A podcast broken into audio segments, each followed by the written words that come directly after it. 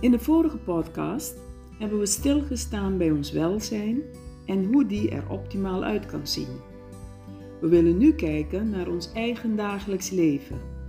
Hoe we met onze manier van leven kunnen bijdragen aan ons eigen welzijn. Hoe bewust leven wij? Hoe bewust maken wij onze keuzes? De mantra van levenskunde is dat een leven vanuit ons ware zelf, degene die we werkelijk zijn, ons het meeste welzijn zal opleveren.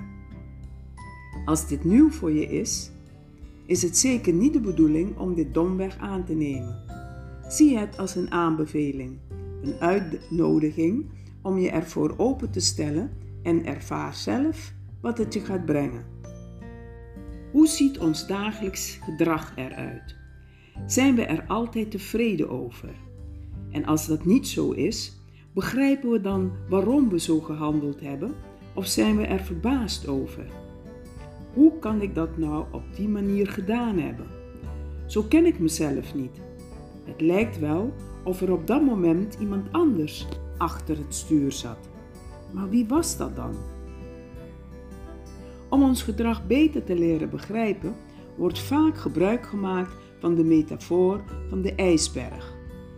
Van een ijsberg is bekend dat een groot deel zich onder water bevindt en dus onzichtbaar is.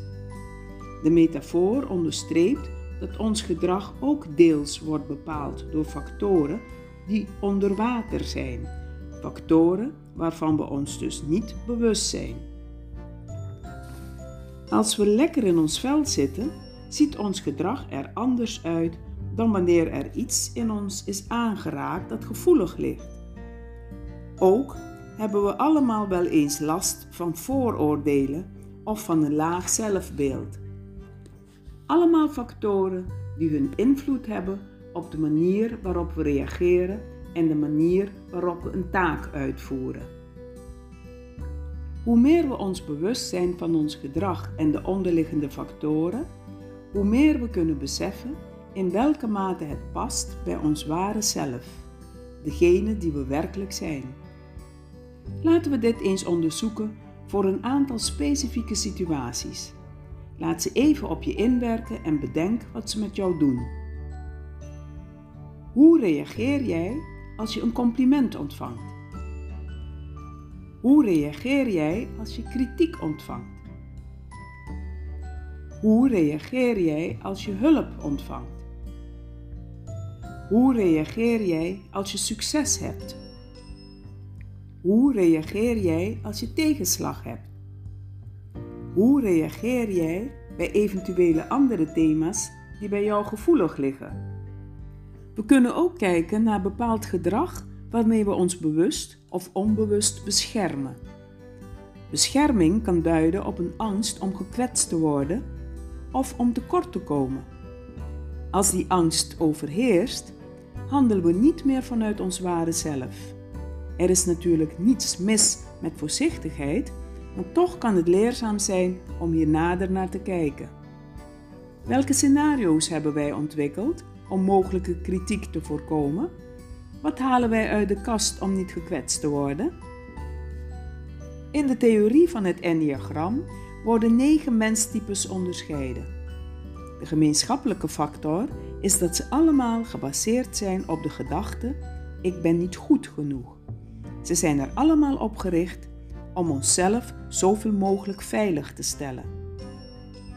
Een bekend voorbeeld is het gedrag van een perfectionist die extreem zijn best doet voor een perfect resultaat. Hoe kun je kritiek hebben op iemand die zich zo heeft uitgesloofd? Een ander voorbeeld is het gedrag van een pleaser, die heel erg zijn best doet om aardig gevonden te worden.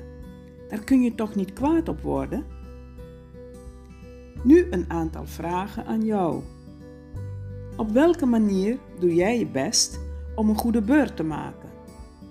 Op welke manier doe jij je best om niets tekort te komen? Op welke manier doe jij je best om niet gekwetst te worden? Wat is het ergste wat jou kan gebeuren als je ervoor zou kiezen helemaal jezelf te zijn en alle voorzichtigheid los te laten? Ieder van ons staat voortdurend voor kleinere of grotere keuzes. Hoe maken we die keuzes? Wie of wat gebruiken we als kompas om onze koers te bepalen? Wat bepaalt of wij ergens aan meedoen of dat we het afwijzen? Wat vinden wij leuk en wat juist niet? Hoe zorgen we ervoor dat we blij zijn en blijven over onze keuzes, de manier waarop we ons leven invullen? Weten we nog welke overwegingen bepalend zijn geweest voor de keuze van onze opleiding, ons werk en eventuele andere taken die we op ons hebben genomen? Het lijkt het meest veilig om een kompas buiten onszelf te kiezen. Want als we de wensen en verwachtingen van onze omgeving volgen of doen wat de maatschappij van ons vraagt, zullen we niet zo snel op onze vingers getikt worden. Het kan ons ook het gevoel geven dat we helemaal meetellen. Een kompas buiten onszelf maakt ons echter ook afhankelijk van onze omgeving. We leven dan in feite het leven van anderen. We zijn dan niet vrij om onszelf te zijn. Hoe kunnen we dan diep van binnen trots zijn op ons leven? We kunnen ook kiezen voor onszelf als kompas. Maar ook dan zit er nog wel een addertje onder het gras. Iedereen heeft in zijn verleden wel eens iets pijnlijks meegemaakt. En dat kan ertoe leiden dat de angst voor herhaling ons leven gaat bepalen. Pas als we die angst loslaten en erop durven vertrouwen dat we de eventuele pijn aankunnen, kan ons ware zelf zich laten zien. Ons ware zelf, onze ziel, is ons meest pure kompas. Onze ziel weet wie we werkelijk zijn. Hij kent onze natuurlijke kwaliteiten. Hij kent ook onze diepste wensen, datgene waar ons hart sneller van gaat kloppen. Ga nu eens na wat jij als kompas gebruikt. Welk van de volgende elementen heeft een te grote invloed op de koers van jouw leven?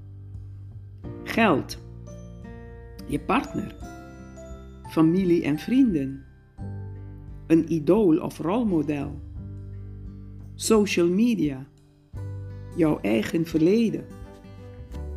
We willen ook nog even stilstaan bij het effect van aandacht op ons gedrag en de manier waarop dat doorwerkt op ons gevoel. Dit wordt ook wel mindfulness of mindful handelen genoemd.